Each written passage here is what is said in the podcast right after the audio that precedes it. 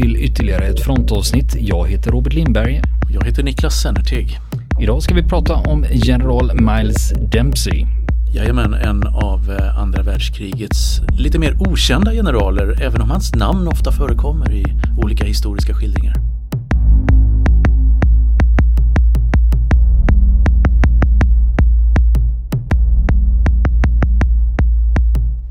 Och då ska vi sätta igång och titta närmare på general Miles Dempsey. Ja, Niklas, vad är det som gör att man ska vara intresserad av general Dempsey då? Alltså när man tänker på operationerna under andra världskriget, den brittiska armén så är det oftast Montgomery man tänker på. Det är oftast han man kommer ihåg och eh, hans fälttåg. Och general Dempsey var hans högra hand och en person som ofta dyker upp i eh, skildringarna men som man egentligen aldrig får något grepp om. Var han bara ett namn eller var han, hade han någon faktisk betydelse? För han var ändå en av de högsta allierade generalerna under eh, tiden från eh, D-dagen fram till slutstriderna i Tyskland 1945. Han är en spännande person som hade större betydelse än vi har tidigare trott. Vi kanske ska börja lite grann med vad han var för en person så kommer vi fram till det här sen. Spännande. Ja, då tar vi det från början som det heter. Alltså han var en ganska typisk brittisk officer från början. Han var född i slutet av 1800-talet och när andra världskrig, första världskriget började så var han 18 år och gick på officershögskolan Sandhurst utbildade sig till officer. Han hade dessförinnan då gått på en sån här privatskola så han kom från en ganska välbärgad familj. En privatskola där Charles Darwin hade gått före honom och där Michael Palin har gått efter honom. Bara en sån sak. Ja, det var Michael Palin jag snöade in på. ja, precis. När första världskriget bröt ut så eh, var han fortfarande under utbildning för att bli officer. Senare under kriget 1915, först då så skickas han ut till västfronten och skyttegravarna. Där utmärker han sig för tapperhet i fält och eh, får Military Cross som är en, en av de mest kända brittiska dekorationerna då. Vad hade han för grad då? Då var han löjtnant på den tiden. Först fänrik och sen löjtnant. Han var också ganska framstående i cricket. Det här kommer att spela en stor roll. Både före kriget och efter kriget så var han ganska eh, känd cricketspelare. Och eh, fortsatte sin militära karriär och när andra världskriget bröt ut då var han överstelöjtnant och brigadchef. Och en brigad kan man säga det är mellan 3 och 5 000 man ungefär. Och eh, han tillhörde de eh, som skickades till Frankrike i den här brittiska expeditionsstyrkan som det hette. Som skulle hjälpa till att eh, försvara Frankrike mot eh, Tyskland. Då alldeles i början av kriget. Det här Phony War som, man kallas, som det kallas. Där eh, man inte sköt på varandra under hela den första krigsvintern. Eh, utan eh, striderna började egentligen på allvar då i maj 40 när den tyska offensiven satte igång mot Frankrike och Holland och Belgien. Och då blev det dramatiskt och då blev det dramatiskt i synnerhet också då för den brittiska expeditionsstyrkan som blev eh, innesluten vid kusten vid Dunkerque och tvingades att evakueras över havet. Och då var Dempsey med där? Dempsey var med och han hade ett av de svåraste uppdragen för han ingick i de förband som skulle skydda evakueringen medan den pågick då. Medan de var utsatta för ett väldigt hårt tryck från då de tyska styrkorna då som försökte stoppa det här. Kan man se Dunkirk som en mm. succé ur brittiskt hänseende med tanke på hur mycket folk man lyckades få ut?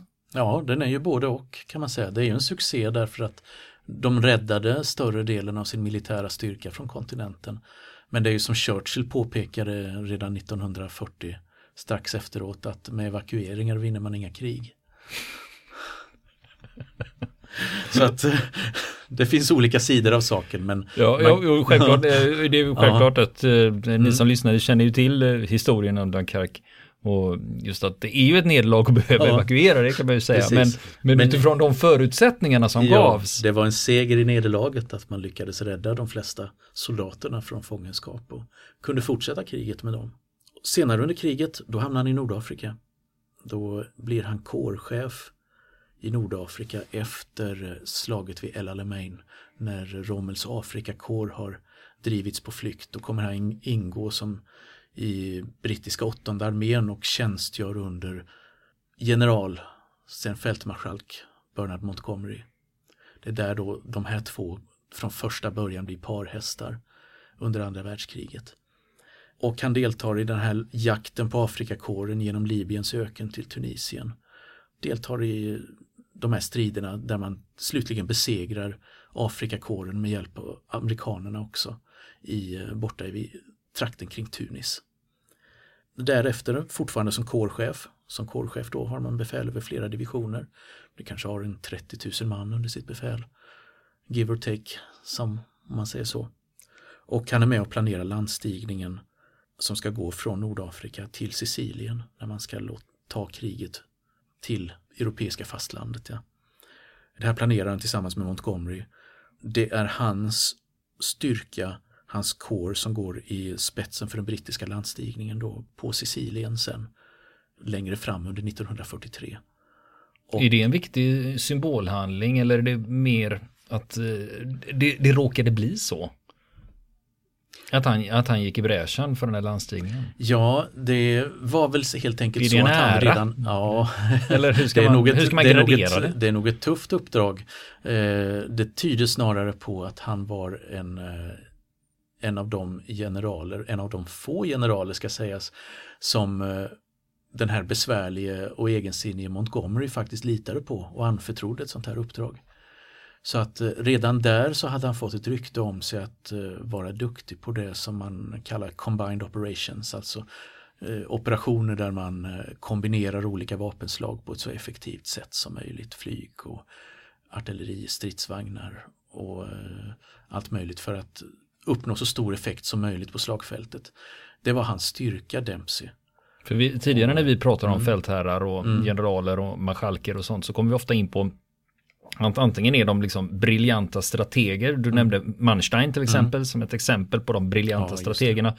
Och sen hade vi sådana som Tjukov då som var en doer. Ja, precis. som fick jobbet gjort. Va? Som fick jobbet gjort. Men kanske inte kanske glänste liksom nej, i de strategiska böckerna. Kanske inget riktigt på det sättet. Vad skulle du placera in Dempsey på den här skalan då? För han var ju mm. duglig. Mm. Han var duglig som vi kommer se så har han ju hamnat i skuggan då i historieskrivningen av Montgomery då. Eftersom Montgomery var hans närmaste chef och hamnade i strålkastarljuset för eh, de operationer som genomfördes.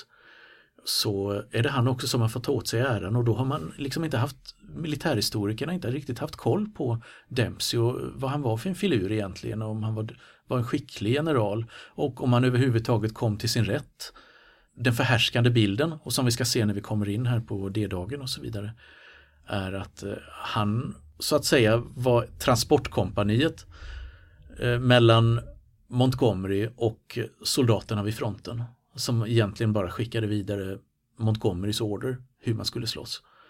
Och det vet vi idag via senare forskning att det där stämmer inte.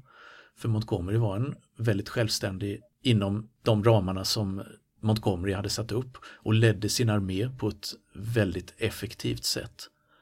Men vi kommer till det strax. För sen då Sicilien erövrade man 1943 och eh, han spelade en eh, viktig roll där. Därefter så hoppar man över från Sicilien då till italienska fastlandet. Amerikanerna landstiger vid Salerno längre upp på den här italienska stöveln som man säger. Och, men britterna de tog kortaste vägen. Messina. Messina-sundet.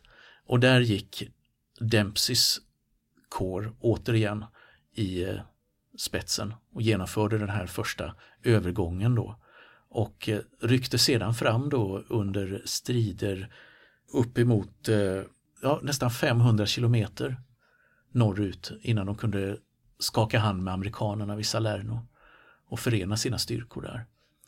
Den där framryckningen var kanske inte under riktigt så stort motstånd som britterna ville ge sken av för tyskarna koncentrerade sin främsta försvarsstyrka mot amerikanerna som hade landstigit där och hade längre upp då och hade bara samlat eh, svagare styrkor längre ner vid Messina. För de trodde inte att de allierade skulle vara så dumma att de gick över vid Messina.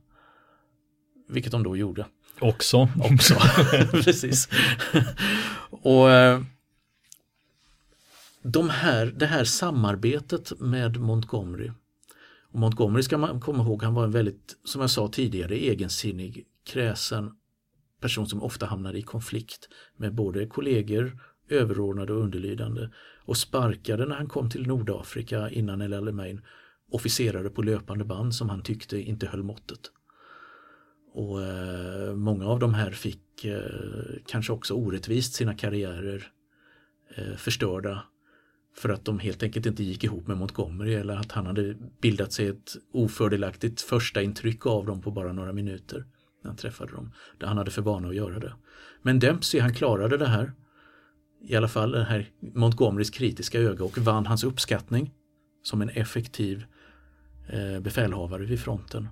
Så när man börjar planera invasionen i Frankrike så hämtas Dempsey av Montgomery från Italien och utnämns till befälhavare. Och det här är i januari 1944 då, ett halvår innan invasionen, det dagen. Då utnämns han till befälhavare för den andra brittiska armén som då finns i Storbritannien då och håller på att rusta sig för att delta i D-dagen. Och det här är den största brittiska armé som ställts upp i militärhistorien. Andra och den har general, andra armén och den har general Dempsey befälet över och kommer ha det under landstigningen i Normandie i juni 44 då hans trupper har hand om tre av landstigningsstränderna Sword, Juno och Gold, alltså de, där de brittiska och kanadensiska trupperna går i land. Han har till en början då mycket större framgångar när han går i land än vad de amerikanska har på sin sida. De har det betydligt tuffare. Dels möter de hårdare motstånd på ett ställe, eh, Omaha Beach och på andra ställen så är det stort kaos. Och det tar tid att komma i ordning och kunna rycka inåt land. Men Dempsey genomför det här på ett glänsande sätt. Man bryter ner det tyska kustförsvaret, rycker snabbt fram inåt land, sen tar det stopp. Framför staden Ka, där man möter huvudstyrkan av de tyska pansartrupperna som skickas till västfronten för att stoppa invasionen. Det reguljära förband men framförallt divisioner ur Waffen-SS. Och där blir fronten stående i veckovis. Och de brittiska styrkorna kommer inte vidare utan eh, hamnar i ett utnötningskrig då med, med de här eh, elitförbanden på den tyska sidan. Och det där har man diskuterat då militärhistoriskt från olika håll. Var det en plan av Montgomery att binda de eh, tuffaste tyska förbanden på sin sida för att ge amerikanerna möjlighet att bryta sig ut på sin kant? Eller var det bara så det blev? De facto. Och eh, Montgomery ville ju påskina att det här, var, det här var en plan från första början att göra så här men det finns eh, många som har en annan åsikt om, om just detta. Men så blev det i alla fall och det är först när i augusti 1944 när de amerikanska styrkorna som finns på den brittiska flanken lyckas bryta sig ut ur den tyska försvarsringen runt Normandie och börja storma fram för full fart genom Frankrike mot Paris och eh, mot den tyska gränsen. Som eh, även motståndet bryts på den brittiska sidan då, av eh, frontlinjen i Normandie. Och när den här försvarslinjen faller samman, då, den tyska, så inleder även den andra armén under Dempsey en snabb framryckning genom Frankrike in i Belgien där man snabbt erövrar Bryssel och Antwerpen då som var en oerhört viktigt mål för de allierade. Det är den på grund största, av hamnarna då? Precis, på, på, grund av hamnarna. Allt. Det var det här som skulle bli den stora försörjningshamnen då, inskeppningshamnen för allierade förråd. Framryckningen gick så snabbt att Dempsey fick öknamnet, han hette ju Miles Dempsey och blev kallad 200 Miles Dempsey på grund av den här snabba framryckningen. Och eh, han blir hösten 44 på slagfältet adlad av den brittiske kungen George den sjätte. Och det där är någonting som är helt nästan unikt. Det har inte hänt i brittisk historia sedan slaget vid Agincourt 1415. Att en, eh, en soldat har blivit adlad på slagfältet på det sättet som Dempsey blev Var det det att eh, innan, eh, mm. innan, även om han var en duglig general mm. och fick saker och ting gjorda, men det var mm. först nu han uppmärksammades. Ja, han kom ut i offentligheten precis, precis. genom sina framgångar. Mm, precis. Det var dels de här oerhört svåra utnötningsstriderna i Normandie då, där man ändå fått stå emot de eh, starkaste tyska elitförbanden. Och sen att snabbt kunna omvandla detta och, och gå över till offensiven, hålla ihop sin armé och rycka fram på det här sättet då med total kontroll över sina förband. Det visade på en duglighet och en skicklighet från hans sida. Men inte utan misstag. Och det var nämligen så att man tog Antwerpen enligt plan. Men man insåg inte förrän för sent att ja, vi kanske borde säkra öarna utanför Antwerpen, deltat utanför Antwerpen innan tyskarna hinner organisera ett nytt försvar.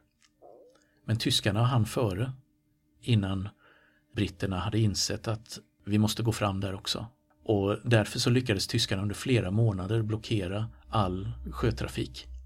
Så det var till ingen nytta. Du satt ja, i Antwerpen precis. men tyskarna men, hade befäst öarna utanför. Precis. Och då, ja. Så det blev ett mycket, mycket hårda och svåra strider i väldigt besvärlig terräng där ute i sankmark och omgivna av vatten och så vidare för, för att rensa de här öarna på eh, tyska försvarare innan. Och det kommer att ställa till stora problem för det allierade underhållet.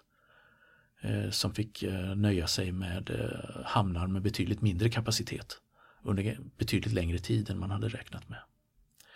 Och sen någonting som brittiska krigshistoriker gärna förbigår med tystnad och det är att Miles Dempsey också var inblandad naturligtvis i det här eh, nederlaget vid Arnhem, september 44.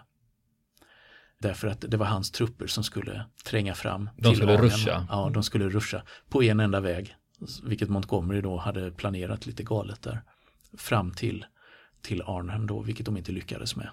Var det här lite att det hade gått som på mm. det, eller man hade haft sådana framgångar mm. upp från Frankrike upp till Belgien mm. och då tyckte man, vad fan. Mm. Det hade gått som på räls hade det gjort och här gällde det att utnyttja momentum som man säger då, alltså när man hade medvind. Att nu fortsätter vi, nu slår vi till snabbt innan tyskarna hinner organisera sig på nytt. Det var det som Operation Market Garden. Precis, där det gick åt skogen då. Och det var väl främst, det är väl kanske inte så mycket Dempsey som kan lastas för detta för att eh, det var fel på planerna från början och fel på underrättelsetjänsten. Eh, man valde att bortse från vad man faktiskt såg på marken där, att det fanns tyska pansarförband och så vidare och att man då valt att rycka fram längs en enda väg, det är fullständigt självmord. Det är väl fortfarande det. Ja, Operation Market Garden, det är väl fortfarande mm. världens största luftlandsättning mm. ja, som, har, som har genomförts. Precis. Och eh, senare, mars 45, så eh, då håller Tyskland på att bryta samman. Då går Dempseys andra armé över Ren och intar under de följande veckorna Bremen och Hamburg och eh, Kiel. Och det är liksom slutet på operationerna för eh, den brittiska andra armén, den största härstyrka som britterna någonsin har organiserat till lands drygt en halv miljon man stod under hans befäl under det här fälttåget. Han var en anspråkslös general, det är därför som vi inte vet så mycket om honom som person. Och därför man inte har haft eh, det är först på senare år man har börjat försöka kartlägga vad han var duktig på, vilken funktion han hade under de här striderna på västfronten 1944-45. Han var väldigt tillbakadragen. Det finns många bilder på honom. Men han var väldigt återhållsam och ville inte stå i rampljuset. Den biten skötte Montgomery mycket väl. Han ville gärna stå i rampljuset och eh, ta åt sig äran även för sånt han inte hade gjort. Den här anspråkslösheten kom till uttryck den 3 maj 1945 i Dempseys högkvarter utanför en liten stad som heter Lüneburg som ligger strax söder om Hamburg. Och för övrigt så besökte jag den här platsen för några veckor sedan och tittade på det här huset. där högkvarteret låg. Tyvärr väldigt förfallet idag. Det finns de som vill göra ett museum. Lokala krafter som vill göra det här till ett museum. Men eh, det verkar som man inte kommer att kunna genomföra detta för huset är snart i så dåligt skick att det måste rivas. Men hur som helst, dit kommer den 3 maj 1945 en tysk delegation ledd av en tysk amiral knackar på dörren i princip och säger vi vill kapitulera. Han ber dem, Dempsey ber dem återkomma nästa dag när Montgomery är på plats. Det får han sköta istället. De flesta generaler skulle gärna ta åt sig äran av att få eh, underteckna kapitulation men Dempsey han ville inte stå i rampljuset utan han föredrog att låta andra sköta det här jobbet. Det var inte det att han tänkte, nej, kapitulation, då blir det ja, massa pappersarbete ja. och skit. Precis, usch vad jobbigt. nej, jag tror inte det. Jag tror inte det. Ehm, så att den här kapitulationen den sker följande dag, den 4 maj 1945 och då är det Montgomery då som håller i pennan på den brittiska sidan. När kriget i Europa är slut så skickas han i sista ögonblicket kan man säga av kriget i Stilla havet. För att han ska leda en armé där, den 14 brittiska armén, som då är grupperad på Sri Lanka för att genomföra en landstigning eh, norr om Singapore. Men kriget hinner ta slut innan den här militära operationen då blir eh, verklighet. Med följd att han får ändå ansvaret då för hela halvön där uppe, Malacca-halvön. Och eh, får på halsen eh, 750 000 japanska krigsfångar. Och 150 000 brittiska fångar som hade kapitulerat i Singapore 1941. Och det var ju förstås en hel del att administrera kan man ju lugnt säga, men kanske inte den typ av saker som han var, ville syssla med egentligen. Och 1947 då efter kriget så begär han avsked från armén. Vet du vad han gör sen? Nej. Bland det första han gör efter att han begärt avsked, han gifter sig. Han har varit ungkarl. Hur gammal och, är han vid det här laget? Han var ändå född ja, på 1800-talet. Då är, han, då är han drygt 50. Mm. Är han som är född i slutet av 1800-talet och 1896. Och eh, han slår sig ner i ett litet samhälle i eh, grevskapet Berkshire utanför eh, London. Bor på landet där och eh, lever väldigt tillbakadraget, bland annat med hund, föda upp eh, travhästar och eh, jaga. Två favoritsysselsättningar. Och det där med jakt kan man ju tänka, har man nu blivit adlad så kanske man så ligger väl det här med jakt då för, för en då mer. Men han borde ju, han, med ja. tanke på vilken mm. skola han hade gått på så borde han ju kommit från en bra familj från ja. början. Jo, jo, det är klart, det gjorde han. Men han var ingen adelsman, var han ju inte. Eh, utan mycket välsituerad familj då från början. Och här lever han alltså mycket tillbakadraget. Tills han eh, avlider 1969 då, då är han 70, vad blir han? Ja, drygt 70 år gammal. Men innan dess så har han fått eh, flytta från sitt hus som han hade i den här lilla orten och flytta in i ett annat därför att där låg en amerikansk flygbas. Och de behövde utvidga den här flygbasen och då tog de hans hus i anspråk. Då skyndade hans gamle vän Dwight Eisenhower, som då var amerikansk president, till hans undsättning och såg till personligen att han fick full ersättning. Hans gamle vän från kriget då fick full ersättning för, eh, för det här då besväret med att han fick lämna sitt hem då och fick eh, flytta till ett nytt hem. De här två var mycket goda vänner, Eisenhower och Dempsey. Eisenhower var inte vän med Montgomery däremot, som hade liksom en fantastisk förmåga att bli ovänner med människor runt omkring sig.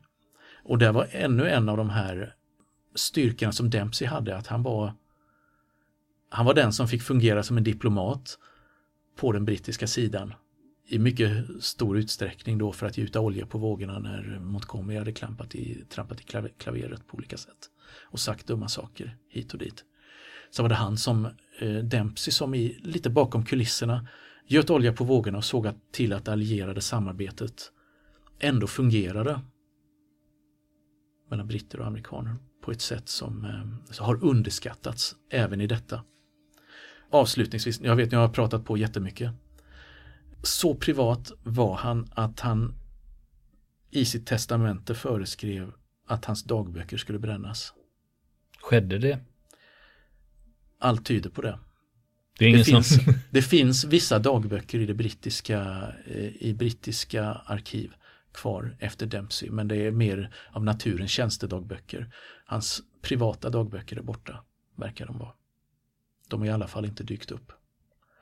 Och det kan ju vara så att där fanns saker, nu bara spekulerar jag, att han, eh, han kanske inte alltid var så lycklig med sin chef Montgomery. Det kanske fanns saker som stod i, eh, i de här som gjorde att nej, vi kanske ska låta det här bli lågornas rov istället för att det kommer ut och så blir det bråk mellan mig och Montgomery som levde vid den här tiden fortfarande. Men det är en mycket spännande general. Det finns väldigt få biografier skrivna om Dempsey. Desto fler om Montgomery. Mig veterligen finns det bara en enda biografi som kom ut för bara några år sedan. Och vi kan lägga ut ett tips, ett länktips om den på hemsidan sen. Och vi har fått fältpost till fronten. Den här gången är det Thomas från Norge som har skickat in till oss. Mycket, mycket bra börjar han med att beskriva vad han tycker om fronten. Och det börjar ju fint med smicker, sånt älskar ju vi. Mm, det funkar det, alltid. det funkar alltid. Men sen uh, har han en rättelse han vill uttrycka här och det är nog var när vi pratade om den amerikanska dokumentärfilmen Restrepo. Det visar sig att jag, han påpekar att jag, jag Robert då uttalar mm. den Restrepo. Och det ska mm. man inte uttala den som utan det är ett efternamn och då uttalas det Restrepo. Och då tänkte jag, kan det verkligen vara så här? Ja, så jag gick faktiskt in och kollade igen och, och lyssnade för att höra uttalet. Och Thomas mm. från Norge du har helt rätt, det är Restrepo. Så har ni rättelse så är ni jättevälkomna att höra av er till oss för att det viktigaste är att det blir rätt i slutändan. Mm. Sen eh, eh har han ytterligare ett önskemål, Thomas. Eh, mer tanks, tack. Ja. ja. och han eh, är ju uppenbarligen intresserad av tanks då. Vi kan väl i alla fall trösta dig med att vi kommer i alla fall inom en nära framtid att titta närmare på stridsvagn S eller stridsvagn 103 som den, är, som den egentligen heter. Just det. Och sen också ytterligare en fråga. Han eh, passar på att eh, fråga flera saker här. Men en fråga han ställer är, spelar ni World of Tanks? World of Tanks? Nej, jag har sett spelet men jag har inte spelat det. Nej, det är samma sak. Jag eh, ja. har loggat in och eh, mm. skapat mig en profil men eh, jag har inte spelat det eh, mm. aktivt. Borde vi göra det? Eh, jag vet, jag vet, att det är populärt och att det är många ja. som håller på. Så här, vad, vad, spelar du Niklas? Jag spelar faktiskt ett spel som heter Airland Battle just nu. Kan du berätta lite om det? Ja, det handlar om, eh, nu kommer jag inte ihåg vilken som eh, firman bakom här, men det handlar om 1980-talet. En tänkt konflikt mellan Warszawapakten och NATO i Europa. Och det håller jag på att gå igenom just nu för att se hur det funkar. Och, jag, och eh, det är inte purfärskt för det har spelats i några år och det har kommit nya versioner av det här spelet. Eh, så jag har en del att komma ikapp. Men eh, jag kan återkomma med ett omdöme sen framöver. Men så långt en underhandsbedömning är att det är jäkligt spännande. Vad bra. Eh, själv så kör jag Battlefield 4 mm. Eh, och jag ska inte berätta vad jag har för användarnamn ifall ni springer på mig där ute på någon server. Det är lite pinsamt det här att... Eh, har du ett pinsamt namn? Nej, det pinsamma är att jag åker på stryk av 11 och 12-åringar hela tiden. de har ju helt annan fritid och möjlighet att sitta och spela timme ut, timme in och liksom komma upp på de här nivåerna som jag inte riktigt ja. har kommit upp till ännu. Ja, men det är bara att inse att de kommer vi aldrig vinna över i de här spelen.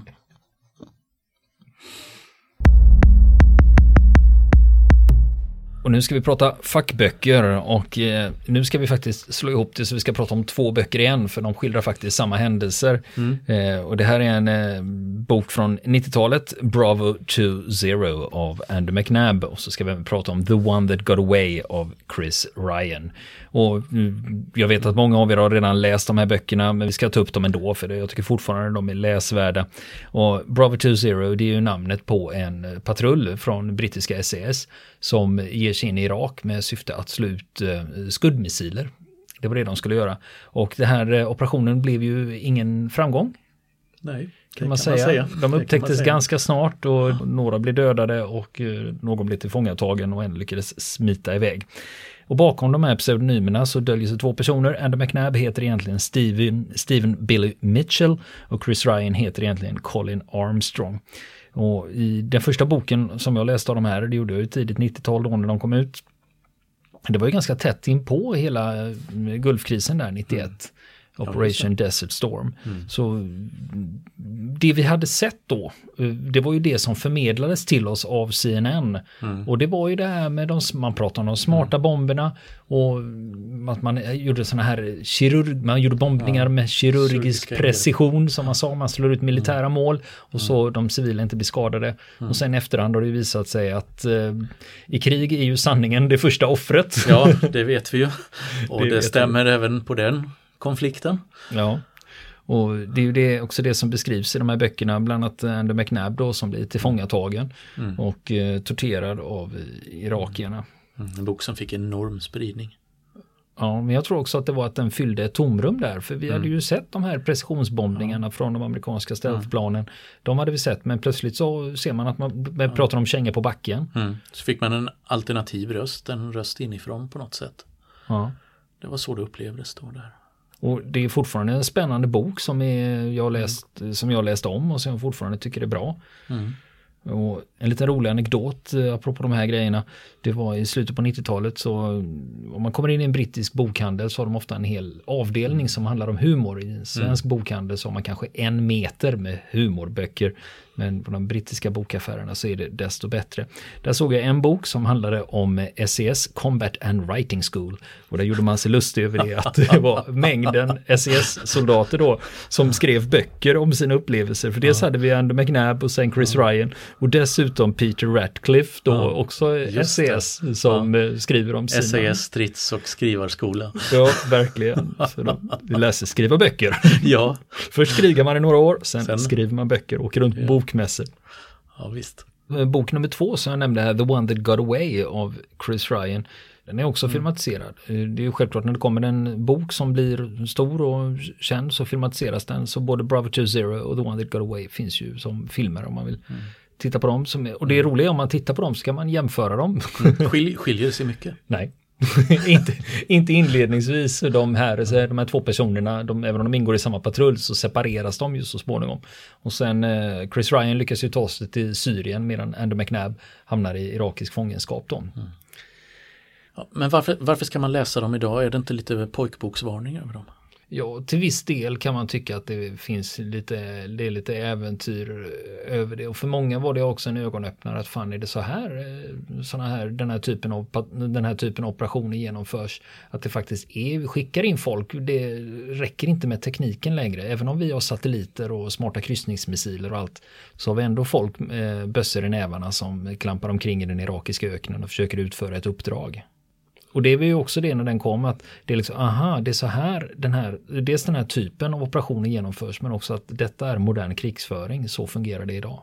Så ur det, det synsättet så är den jag tycker fortfarande Intressant de, att läsa dem. Ja, jag tycker fortfarande de är läsvärda. Och mm. man kan också se dem lite som en ikon över det första Gulfkriget då. Och nu ska vi prata dokumentärfilm och nu beger vi oss till Afghanistan. Det är en amerikansk film från 2010 som heter Battle for Marja. Marja. Jag är osäker på hur man uttalar det här. M-A-R-J-A-H. Så uttalas den i alla fall. Och det här går ut på att marinkåren ska inta en stad som hålls av talibanerna och den här staden heter Marja. Och där har då filmare följt med eh, när marinkåren eh, kommer till den här staden och intar den. Och det som är intressant i den här det är bland annat att man får följa deras interaktion med lokalbefolkningen då när plötsligt eh, amerikanska soldater sparkar in dörrarna och kliver in och säger att ja, nu, ska vi, nu är det här våran bas, nu, det är härifrån vi ska operera. Och det finns ett uh, känt citat från den här filmen där det är en marinkårsofficer som säger så här The Marines don't fight wars, we fight battles. Och i det här fallet så, det här fallet så eh, eh, blir det ganska tydligt. Och den här filmen kom ju eh, för mig som ett litet uppvaknande för jag hade inte hängt med riktigt. Hur det gick, hur gick det, hur går det i Afghanistan nu för tiden? Och så började jag kolla på lite dokumentärfilmer och bland annat ser jag den här. Och den tar ju upp svårigheten med att vi har, eh, de slåss ju mot talibaner som gömmer sig bland civilbefolkningen, det är svårt att sålla ut dem. Och många av de marinkårssoldaterna som är där, de är ju tränade för att slåss mot andra stridande förband som förhoppningsvis egentligen också bör ha uniform på sig och så vidare. Och det blir svårigheter när du ska in och ta över en stad. Vem är fiende och vem är civil? Och det är ett generellt problem som de har haft i Irak och Afghanistan. Mm. Och det skildras i den här också. Och sen också får man följa konsekvenserna för en del av civilbefolkningen och det är inte alltid så jävla lyckliga slut på de historierna. Mm. Men den är klart eh, sevärd eh, som ett exempel på hur det kan gå till här ute i världen. Det finns bland annat en scen som man tycker är lite speciell när de har haft problem när en eh, prickskytt har legat och skjutit på dem och nått framgång i en del fall. Och när de väl lyckas inta fästet, när de tittar på hylsorna så ser de att oj, det är ju våra vapen som används till det här. Och då frågar de officeren, jag tycker han var duktig, han som krypskytten, ja han har ju perfekt position och perfekt läge. Vem tror du har utbildat honom? Ja, det är nog vi. Mm. och, då, ja. och då det är ju och då återigen det, liksom, det här gungflyet man inte vet. Vem, är vän, vem är fiende? Vem är vän och vem är fiende? Nej, och där har man ju haft eh, problem med Afghanistan när det gäller mm. just när man då ska utrusta ANA då, den afghanistanska nationella armén då, när man pratar om lojalitet, att mm. du har tagit folk som du kanske krigar mot för mm. två månader sedan och nu plötsligt så är de på din sida. Ett tag. Ett tag, ja. Mm. Så, kan det, så kan det vara. Ja, det har vi sett många exempel på i nyhetsrapporteringen. Ja, och det är ju, jag vet, jag vet inte exakt var utvecklingen står idag när det gäller Afghanistan. Jag har inte hängt med så mycket i rapporteringen det sista. Nej, det kommer väldigt lite. Men frågan är om det beror på en allmän nedtrappning, att man, de flesta länderna drar ut sina, drar ut sina mm. trupper nu. Det beror säkert på det och att det är, inte är så hett nyhetsmässigt. Nej, be... Kanske upplevs så på internationella nyhetsredaktioner. Inte på samma sätt som det var tidigare när det var mer action för att uttrycka sig på lite vanvördigt. Mm. Och sen kan det också bli, jag tror du är inne på en sak, att jag menar att det har exploderat en bilbomb i Kabul. Mm. Det, ja, det gör det. Ja, det, precis. Det blir liksom det är en slags normalisering. Ja, ingen höjer på ögonbrynet längre. Precis. Vill ni komma i kontakt med oss så kan ni göra det via vår Facebook-sida som heter Fronten. Det är inga problem för er att leta er fram där. Eller också så mejlar ni på vår mejladress och det är frontenpodcastgmail.com.